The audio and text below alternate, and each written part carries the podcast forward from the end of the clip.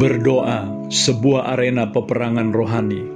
Di dalam Efesus 6 ayat 10 dikatakan, Akhirnya hendaklah kamu kuat di dalam Tuhan, di dalam kekuatan kuasanya. Saudaraku, pada akhirnya Allah menghendaki agar kita menjadi kuat di dalam dia, di dalam kekuatan kuasanya. Bagaimana caranya? Efesus 6 ayat 11 memberikan jawabannya.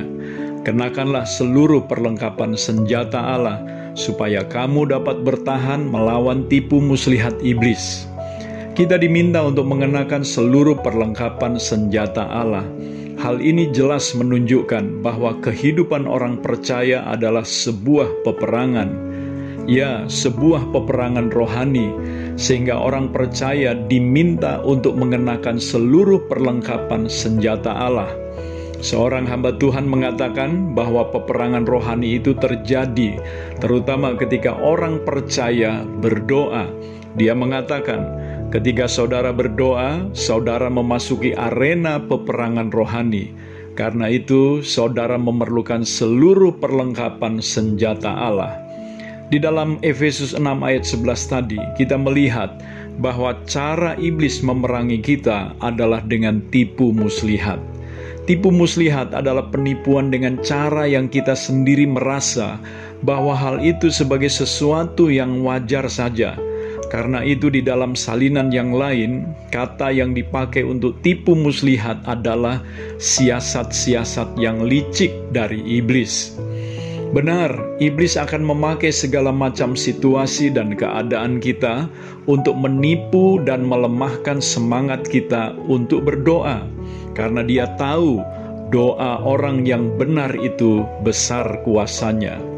Karena itu di dalam Efesus 6 ayat 12 Paulus memperingatkan, karena perjuangan kita bukanlah melawan darah dan daging, tetapi melawan pemerintah-pemerintah, melawan penguasa-penguasa, melawan penghulu-penghulu dunia yang gelap ini, melawan roh-roh jahat di udara.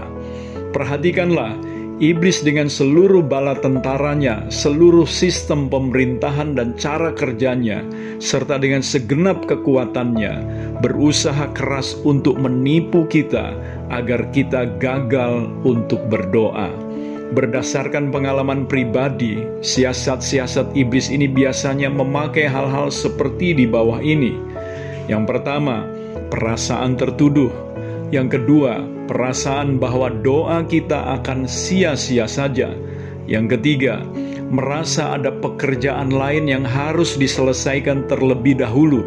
Yang keempat, tidak bisa berkonsentrasi, dan yang kelima, kelemahan tubuh. Semua hal ini seperti sesuatu yang wajar saja, sehingga kita tidak merasa bahwa iblis memakai hal-hal ini untuk menghalangi kita berdoa.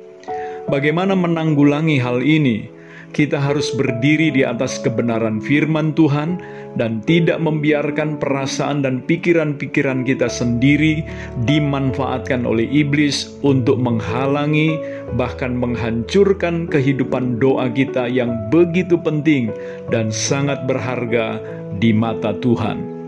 Mari sekarang kita memperhatikan Efesus 6 ayat 13.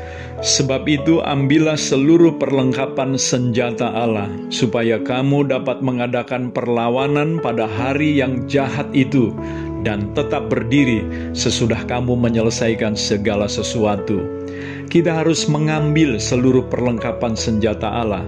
Kalau kita membaca Efesus 6 ayat 14 sampai 18, kita akan mendapati seluruh perlengkapan senjata Allah tersebut, yakni yang pertama, ikat pinggang kebenaran dan baju sirah keadilan. Yang kedua, kasut kerelaan untuk memberitakan Injil damai sejahtera. Dan yang ketiga, perisai iman. Lalu yang keempat, ketopong keselamatan dan pedang roh, yaitu firman Allah yang harus dipergunakan khususnya di dalam segala doa dan permohonan bagi orang-orang kudus, serta doa syafaat bagi para pemberita Injil, agar ketika mereka berbicara, kepada mereka dikaruniakan perkataan yang benar dan keberanian memberitakan rahasia Injil. Besok kita akan belajar bagaimana menggunakan seluruh perlengkapan senjata Allah. Tetapi untuk mengakhiri renungan kita pagi ini, kita mau melihat bahwa Paulus menggambarkan kita seperti seorang prajurit Yunani dengan seluruh perlengkapan senjata perangnya. Saya merasa hal ini menunjukkan bahwa Allah menginginkan kita menjadi seorang prajurit doa yang handal, yang bertekun dalam doa, dan terus-menerus berdoa dengan tidak jemu-jemu.